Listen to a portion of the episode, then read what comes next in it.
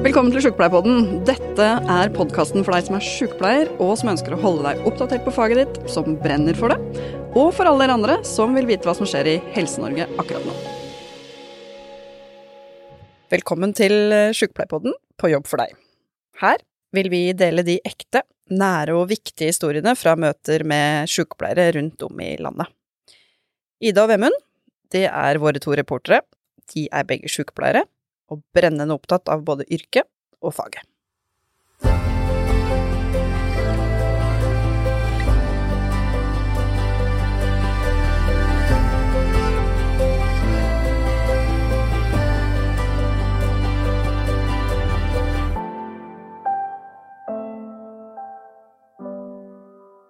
Hallo. Nei. Hei. Hei, velkommen til en eh, ny episode av eh, På jobb for deg. I dag så er det bare meg og Vemund her. Ikke at det er bare bare, men det er veldig hyggelig. Og da skal vi snakke om eh, pride i helsevesenet. Og det å være nyutdannet sykepleier, for nå er det ganske mange sykepleiere som eh, går til jobb og har fullført sin eh, bachelor, og er spent på arbeidshverdagen som nå møter dem. Så vi skal mimle litt tilbake igjen da, fra vi var nyutdanna, og komme med noen tips Ja. og triks, kanskje? Husker du når du var eh, nyutdannet, eh, Ida? Eh, jeg husker det, ja. Det er- begynner jo å bli noen år siden, men det er ti år siden, faktisk. Det er tiårsjubileum som sykepleier. Mm. Uh, ja, det var jo helt forferdelig. Skal jeg være helt ærlig. Mm. Uh, enda jeg begynte å jobbe, som jeg tror veldig mange andre gjør også. Jeg fikk jobb etter praksis, på en måte, så jeg var jo kjent på stedet jeg begynte å jobbe. Men uh, det var jo bratt læringskurve, vil jeg påstå å si at det var. Hva er det som gjør at det er så utrolig bratt arbeidskurve akkurat da, annet enn at du er helt ny? Det er vel litt det at man nå, må, nå har man liksom ikke den veilederen å lene seg på lenger. Mm. Man må ta valgene selv, man må huske å gi medisiner. Det er liksom ingen som kommer og minner deg på hva du skal gjøre når. Eh, hvordan lære seg å prioritere riktig. Hva, hvor skal jeg begynne, på en måte? Være løsningsorientert. Ja, og det tar litt tid å lære seg opp til å bli, så jeg tror man Ja, altså Jeg vet ikke om man har hodet over vann. Jeg hadde i hvert fall ikke det. Nei. Redd for å glemme noe. Så er det jo for å gjøre feil. Det er jo gjerne i sommerferien. Ja. Og det som er litt av grunnen da, til at eh, sommerferien er så beryktet for å være ganske tøff for nyutdannede sykepleiere, er at da forsvinner veldig mange av den faste staben. De tar ferie. Mm. Så når du da kommer inn som ny, så er det ikke så mange igjen på avdelingen som er veldig kjent og vet hvor, hvordan alle rutiner er, hvor alt utstyr nødvendigvis befinner seg, hvor man får tak i ting. Hvis man mangler noe, hvorfor man bestilt det. Mm. Det, det kan skape på en del utfordringer, eh, eller i hvert fall forsinkelser i logistikken. Og når logistikken blir forsinka, så blir det fort hektisk. Mm. Og så har du kanskje ikke den derre voksne å spørre når du trenger det. Det er nettopp det. Ja. Så det er jo fort en del vikarer der i tillegg, og det er jo, brått så kommer jo de og spør deg, da. Hvor, Ja, ja. og da så vet jo ikke du, for du er jo ny, så det blir litt sånn, og da må vi finne ut av det sammen, da. Ja. Da blir løsningsorienterte. Men eh, ja, det kan gjøre høyt tempo. Og det er ikke noe færre syke mennesker, På sommeren, nei. nei, men det kan Det fort være færre altså. ansatte. Så Nei, det, jeg syns det var en uh, tøff periode. mm. Uh, og det er sånn jeg tenker hvis jeg skulle gjort ting om igjen, så vet jeg ikke helt hva jeg på en måte skulle gjort annerledes. For jeg syns uh, Jeg syns det var skikkelig slitsomt. Jeg husker jeg tok bussen hjem etter en dagvakt og blir vekt av bussjåføren på endestasjonen. For jeg var så sliten, da. Mm. Eh, han bare 'ja, hvor er det du skal da?' Jeg bare 'ikke her', i hvert fall. så tok jeg bussen tilbake igjen, da. Så vekta han meg, da, når jeg kom til stoppet mitt, for jeg hadde sånn Mm. igjen. Så det er en skikkelig tøff periode man skal inn i. Noe av det jeg husker jeg syns var litt sånn uh, skummelt å begynne med, var at uh, det ble brått veldig mange nye medikamenter som jeg ikke hadde vært borti eh, i praksis. da. Eh, og det er fordi pasienter står på forskjellige ting, men, men eh, brått så var det liksom du har ansvar for alle medisiner uh, og skal administrere de, og da kan det fort være at du møter noe nytt, uh, medikament du ikke har brukt før, da. Eller, eller, eller administrert til pasientene før. Og da blir man fort litt usikker. da, om å begynne, Du bruker mye tid på å søke opp og finne ut av, av hvordan man administrerer det korrekt, slik at det ikke blir noe feil. Og det tar tid. Og nå, igjen, når det tar tid fra deg, og det er jo tid du ikke bruker nå, for nå kan du det og har lært deg det, mm. men når, du, når det er så mange nye ting som du hele tiden må søke opp og passe på at det er etter prosedyre, at det blir gjort korrekt, for å dobbeltsjekke om man er gjerne litt usikker da, når man er ny, så tar det mye av tiden, og når du har mindre tid, så blir det mer stress. og Det gjør at du føler et økt press da på å levere. Mm. Og så tror jeg at veldig mange nyutdannede de føler overfor både nye kollegaer, men også arbeidsgiver, at jeg er en utdannet sykepleier, så nå må jeg vise at jeg kan levere hva som forventes av en sykepleier, og levere varene på det.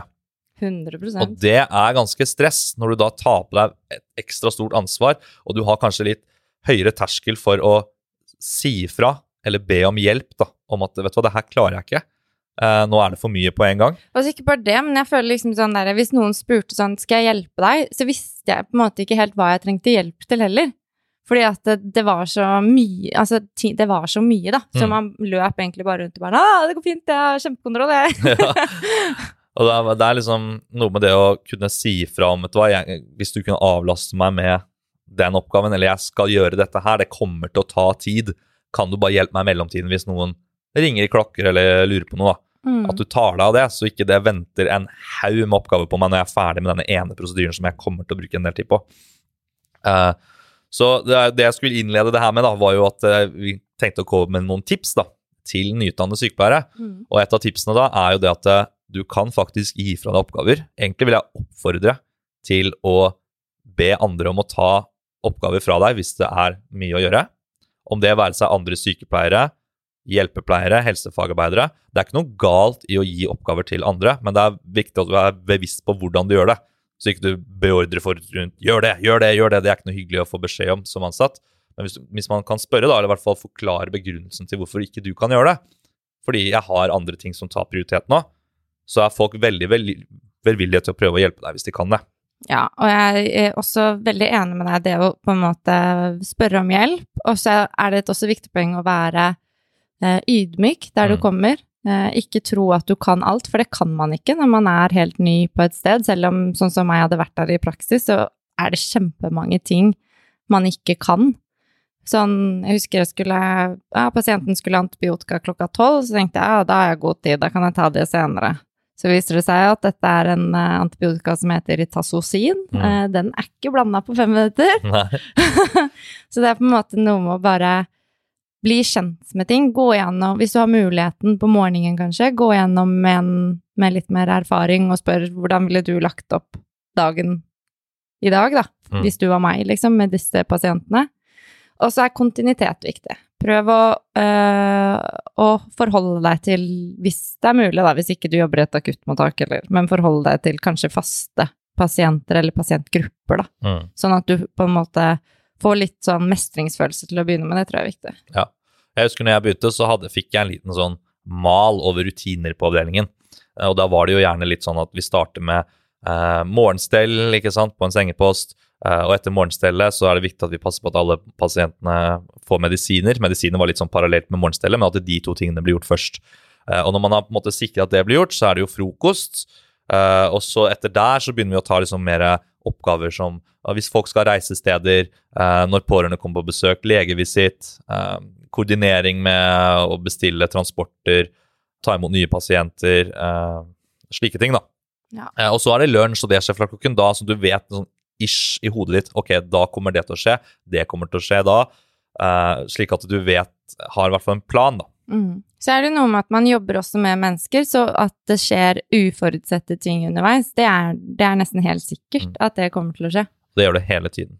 Men jeg vil hoppe litt tilbake til, til det med å be om hjelp, for jeg tror igjen mange nyutdannede føler at det er litt ubehagelig. Mm. For man har en sånn viktighet, eller sterkt ønske, da, om å vise hva man kan. Uh, men selv den garveste sykepleier ber om hjelp. Det er bare helt Eller ofte, hvis de får mye å gjøre, så er det ikke utenkelig at en erfaren, dyktig sykepleier vil be om hjelp fra andre, for det er det som er god sykepleie. Mm. Du kan ikke ta på deg for mye for en gang. Og det vil, eh, det er begrenset hva en menneske klarer å gjøre hvis det er veldig mange oppgaver som kommer. Og det er, dessverre så er det litt sånn i helsevesenet at det, de oppgavene kan liksom komme litt ramlende på en haug oppgaver på én person, uh, og så er det kanskje ikke så mye i en annen område, da. Uh, for, for, de som jobber, og da er det viktig at man gjør de andre på avdelingen bevisste på hvor mye du har av arbeidsmengde akkurat nå. For det er ikke sikkert de andre har det, men det er heller ikke sikkert at de er klar over hvor mye du har å gjøre. Og så syns jeg også til um, de som er litt mer erfarne, da, de som har jobbet en stund, hvis dere ser noen nyutdanna løpe rundt og har mye å gjøre, ikke spør uh, vil du ha hjelp eller trenger du hjelp, spør hva kan jeg hjelpe deg med? Mm. Altså ta fra de noe veldig basic eller enkelt, sånn at det faktisk letter arbeidsdagen deres litt. grann, da. Og det, det kan bare være en liten filleting, men den lille filletingen er én mindre ting for den andre å tenke på. Så bare det å si ja, du, jeg tar den klokken, ja, hvis det er noe, så tar jeg med et glass vann inn på det andre rommet. Bare, bare det alene tar faktisk et par minutter fort. Mm. Og da har du allerede der kuttet ned en del av mengden for en annen. Selv om det virker som liksom, det er jo ingenting. Mm. Jeg tror det er viktig. Og så er det jo noe med at det, det er veldig mange steder man får jo opplæring der man begynner. Selv om man kanskje er litt kjent fra før av, så får man jo gå sammen med en sykepleier, litt, en litt mer erfaren sykepleier litt til å begynne med. Så utnytt den tiden veldig godt den tiden dere får med en, en veileder eller i opplæringsperioden, da. Så er det greit å spørre om man kan få en fadder, for det fikk jeg. Mm. Uh, og Det er ikke sikkert man har det på alle arbeidsplasser, men uh, hos oss så kunne man i hvert fall få en fadder. Da, en som liksom passer litt på å følge med at det går bra med deg. Uh, og den ene personen vil jo da bare sikre litt ekstra at det du gjør er riktig, at ikke det er noe som blir gjort feil, at du får med deg og lærer ting. Uh, noen ekstra øyne som nesten overvåker deg litt, bare til å begynne med. Og en du kan liksom spørre om ting, Ja, og henvende deg til, og det er veldig, veldig, veldig lav terskel for å spørre, da. Og det, det også er jo en ting her at du egentlig skal det være ganske lav terskel for å spørre om ting. Mm. Uh, for noe av det første jeg ble fortalt, i hvert fall som ny på akuttmottaket, vel å merke ikke nyutdanna, men som ny, er at uh, det er mye mer tillitsvekkende for de ansatte at hvis du ikke vet noe, så spør du enn at du ikke sier noe. Ja, det er kjempeskummelt. Mm. Altså, nye folk eller vikarer eller nyutdanna eller ja, generelt nye folk på en avdeling som aldri spør, det er skummelt. Ja. For alle lurer på ting. Absolutt alle. Så det er eh, Det å spørre er viktig, og så er det viktig å si ifra når du har for mye å gjøre eller er usikker. Utenom det så er det basale ting. Uh, passe på å drikke nok vann. Passe på å gå på do. Uh, det er viktig å være klar over at hvis du skal hjelpe andre, så må du også passe på å ta vare på deg selv. Så det er viktig også å spise lunsj. Mm. Det trenger du. Ja. Eller middag. Eller yes. mellommåltid. Mm. Eller brunsj. ja. Vi, eh, jeg må bare bemerke meg at uh, i dag sitter du også med solbriller på Vemund. Ja. Hvordan er formen? formen er um, slack. Jeg har sovet lite i natt. Jeg kom hjem sent i går etter å ha vært på utdrikningslag. Hatt fri hel helga. Så Kosa seg? Jeg har kosa meg. Mm, vi lever veldig forskjellige liv. Mm. Jeg har vært uh, på familietur i Hemsedal mm. og var crazy som la meg elleve den ene dagen. jeg er egentlig litt misunnelig akkurat nå, men det Jeg har hatt det gøy, da. Ja, mm. det er viktig. Det er bra. Yes. Eh, til neste tema vi skulle ta opp i dag, da, eh, siden vi er i juni, og det er jo pride-måned. Pride-måned, ja. Eh, vi har også et eh, regnbueflagg på kontoret i dag. Mm. Det er hyggelig. Eh, så før vi begynte, eller før vi starta podkasten, så snakket vi og drøftet litt om sånn Ja, hvordan, hvordan møter man eh, transseksuelle eller folk eh, i helse... Altså generelt møte folk i helsevesenet som sykepleiere, da. Mm. Eh, du hadde jo noen gode innspill på det. Ja. Uh, kan du først si det at uh, i helsevesenet så jobber det jo mange mennesker. Uh, og mange av de er jo en del av pride-bevegelsen, holdt jeg på å si. det er homofile, bifile, transpersoner som jobber i helsevesenet. Og vi møter pasienter også, og pårørende for øvrig, som er, går under de kategoriene, hvis vi, hvis vi kategoriserer veldig. Mm. Og en ting da er jo spørsmålet hvordan er det å være si, homofil da, uh, i helsevesenet? Er det annerledes enn i andre yrker, eller er det ganske likt? Uh, og hvordan er det å være transpasient spesielt i helsevesenet? Det er jo egentlig et ganske kontroversielt tema om hvor det, hvor det, I hvert fall i forhold til behandlingen, men, men utenom det kjønnsbekreftende og kjønnsidentitetsbehandlingene, da, mm. så, så, er du fortsatt i helsevesenet for helt andre ting. Eh, og Ja, hvordan ja, oppleves det? Og hva kan helsepersonell gjøre for å imøtekomme den pasientgruppen? For de kan ofte ha det ganske vanskelig eh, fra før av når de kommer eh, med helseplager. Og da er det viktig at vi prøver å ivareta dem, slik at de føler seg trygge. Mm. Og imøtekommer dem.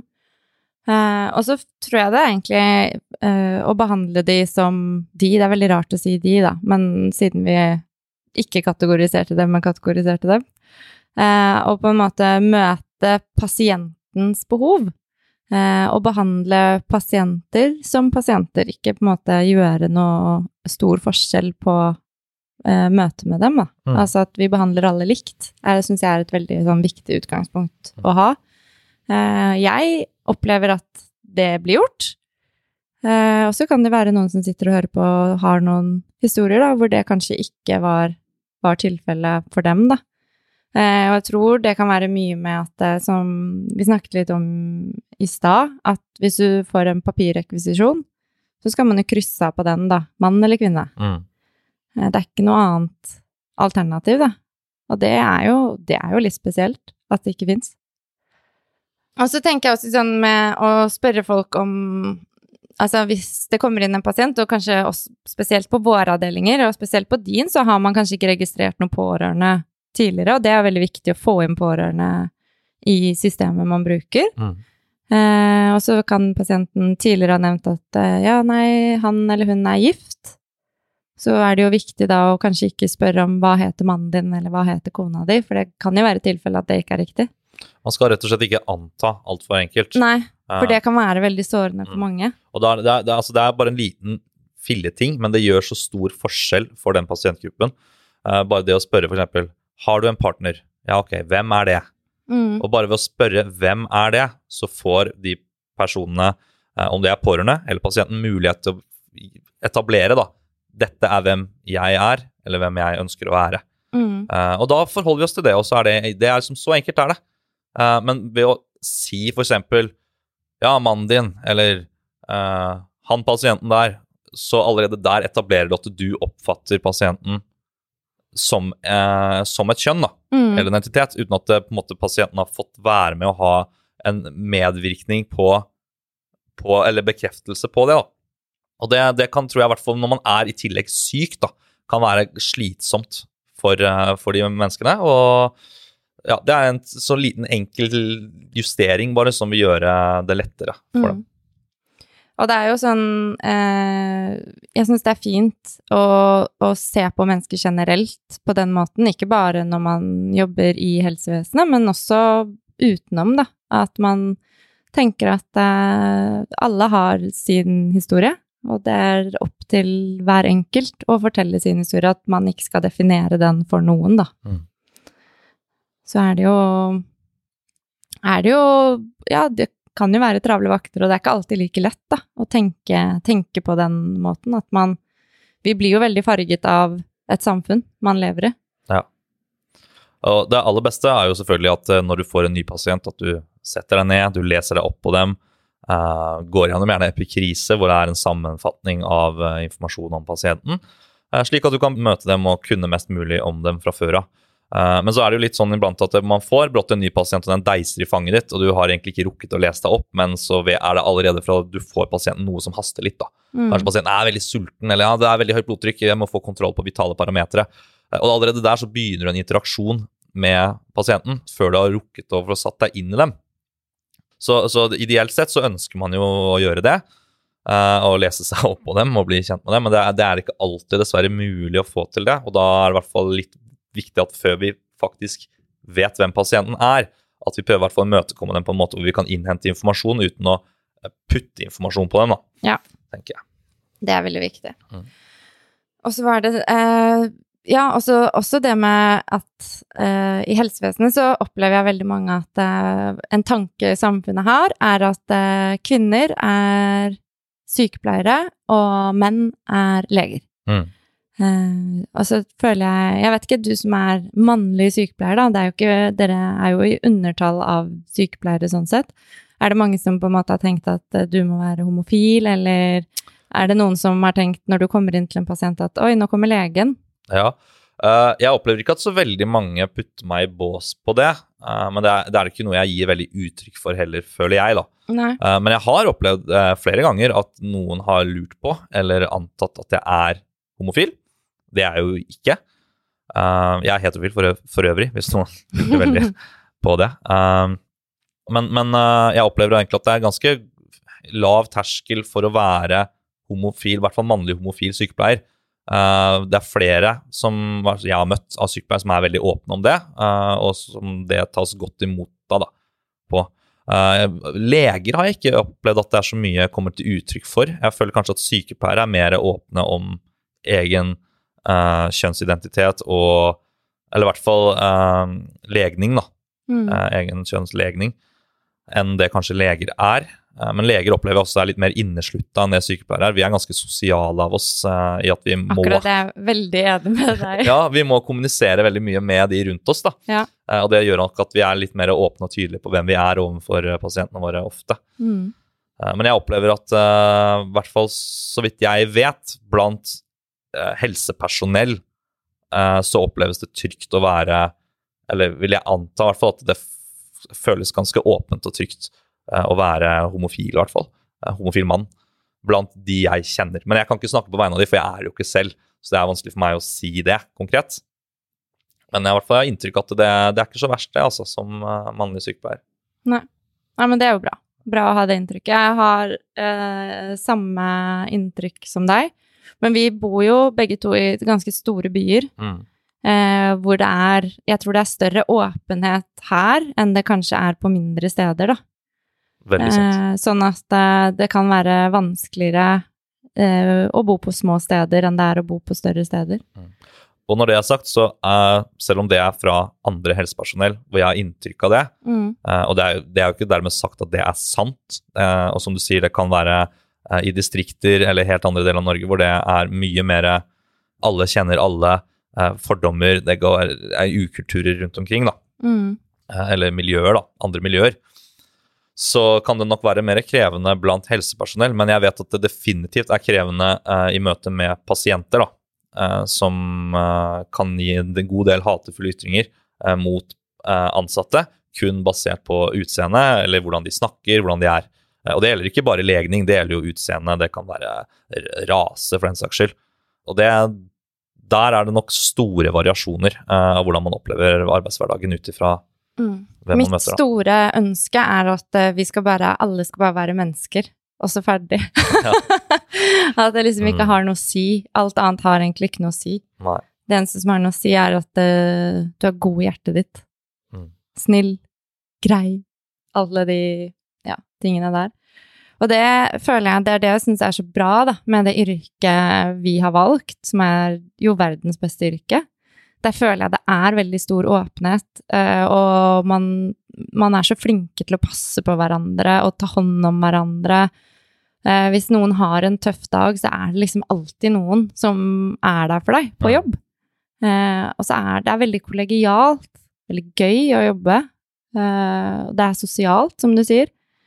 Og det tror jeg veldig mange andre yrkesgrupper misunner oss for. Og det forstår jeg at de gjør. Det er et menneskeyrke. Det er et yrke hvor vi møter andre mennesker. Eh, både kollegaer, men også veldig mange mennesker som er i krise eller som er i smerte, og som kjenner på mye følelser. Og Det gjør at det blir veldig mye forskjellige følelser oss imellom i interaksjonene våre. Du vil møte pasienter som er frustrerte, som er i sorg, som er kjempeglade, noen som er misunnelige, og noen som rett og slett er rasende eller føler på avsky. Altså det er et enormt spekter av følelser da, som alltid skal være i interaksjoner med hverandre. fordi Målet vårt er jo at folk skal bli friske, eller i hvert fall klare å leve med sin sykdom. Eh, og, eller forebygge, da. Og da vil det før eller senere bli noen gnisninger der. Mm. Eh, spesielt når tid og rutiner kommer inn i bildet. Systemer. Og lager komplikasjoner eller utfordringer, da. Mm. Uh, og da, når, sant, når, det blir høyt nivå av følelser, så kan det fortere bli konflikt. Og da vil det også eskalere med uh, fornærmelser, uh, rett og slett utagering, da. Mm. Som også kan være helt legitim fra de som utagerer.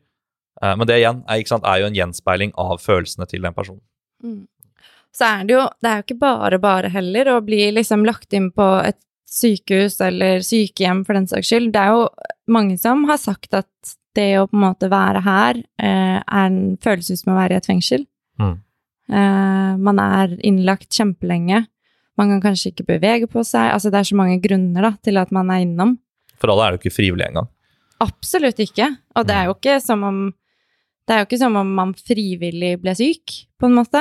Eh, og at man fikk en komplikasjon, og man kan tenke 'hvorfor skjedde dette meg?' Altså at meg, jeg blir så uheldig, og da er det viktig Da gjør vi sykepleiere en så viktig jobb ved å være til stede for pasientene våre, og der vi får vite og høre så mye om det mennesket vi behandler, da. Vi behandler på en måte så mye mer enn bare den sykdommen de er inne for. Vi, vi vil jo at de på en måte skal ha det bra, vi vil ha tid til å lytte. Og da er det viktig å være åpen da, for hva som pasienten kan komme, med, eller som Hvordan dagen på en måte blir, da. Mm. Så det er eh, Ja. Jeg syns vi gjør en eh, veldig, veldig viktig jobb. Og det har jeg på en måte alltid følt, Mm. jeg, at eh, sykepleiere, vi er viktige. Ja. Jeg tror i hvert fall nå i juni, da, siden det er pride, så er det også greit at vi bevisstgjør oss selv litt på hvilken rolle vi har da, som helsepersonell, som sykepleiere, eh, og imøtekomme befolkningen når de er syke. Da. Eh, Men også hvordan de blir møtt eh, og inkludert da, i samfunnet når de er i en så sårbar situasjon. Mm. Men også hvordan vi kommer til uttrykk på hvem vi er også. Vi er jo mennesker, vi òg. og det er bunn og grunn så er jo dette et veldig menneskefokusert yrke, da. Og det også betyr at vi skal ikke tåle alt. Vi skal heller ikke tåle at noen behandler oss dårlig på jobb. Eh, av verken ja, pårørende, pasienter eller andre vi på en måte jobber sammen med, da. At det er viktig å si fra, sette dine egne grenser. Eh, det er jo noen pasienter som er veldig De deler veldig mye, og da kan det bli naturlig å dele, dele tilbake igjen da, av seg selv, men det er ikke feil å ikke gjøre det heller. Eh, å være litt privat på ting man syns er greit å være privat på, da.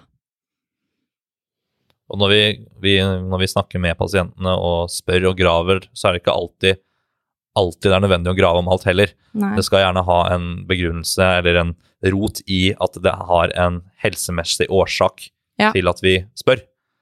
For det, er, for det er av betydning for behandlingen eller hjelpen vi kan tilby. da. Mm. Så hvordan er det egentlig med vannlatningen og avføringen din, eh, Vemund? Den er, den er helt super, faktisk. Så det jeg kan ikke klage. Mm. Har du falt de siste tre månedene? Nei. Nei. Har ikke det. Nei. Bruker du noen hjelpemidler når du beveger deg? Nei. Eh, eller ja, jeg bruker jo sykkel da, til jobb. Mm. Prøver det. Det er da hensikt å være helsefremmende. Ja. Mm. Hva med deg? Eh, nei. Nei på alt, egentlig. Det hjelpemidler jeg bruker, er eh, buss og trikk og T-bane og sånn. Mm. er ikke så flink på sykkelen. Burde blitt bedre. Og ikke noe problem med vannvatning eller avføring. Nei. Så alt er bra med oss. Jeg har gått gjennom alle sjekkpunktene. Takk for at du hørte på episoden. Ha en fin pride. Happy pride! Ha det.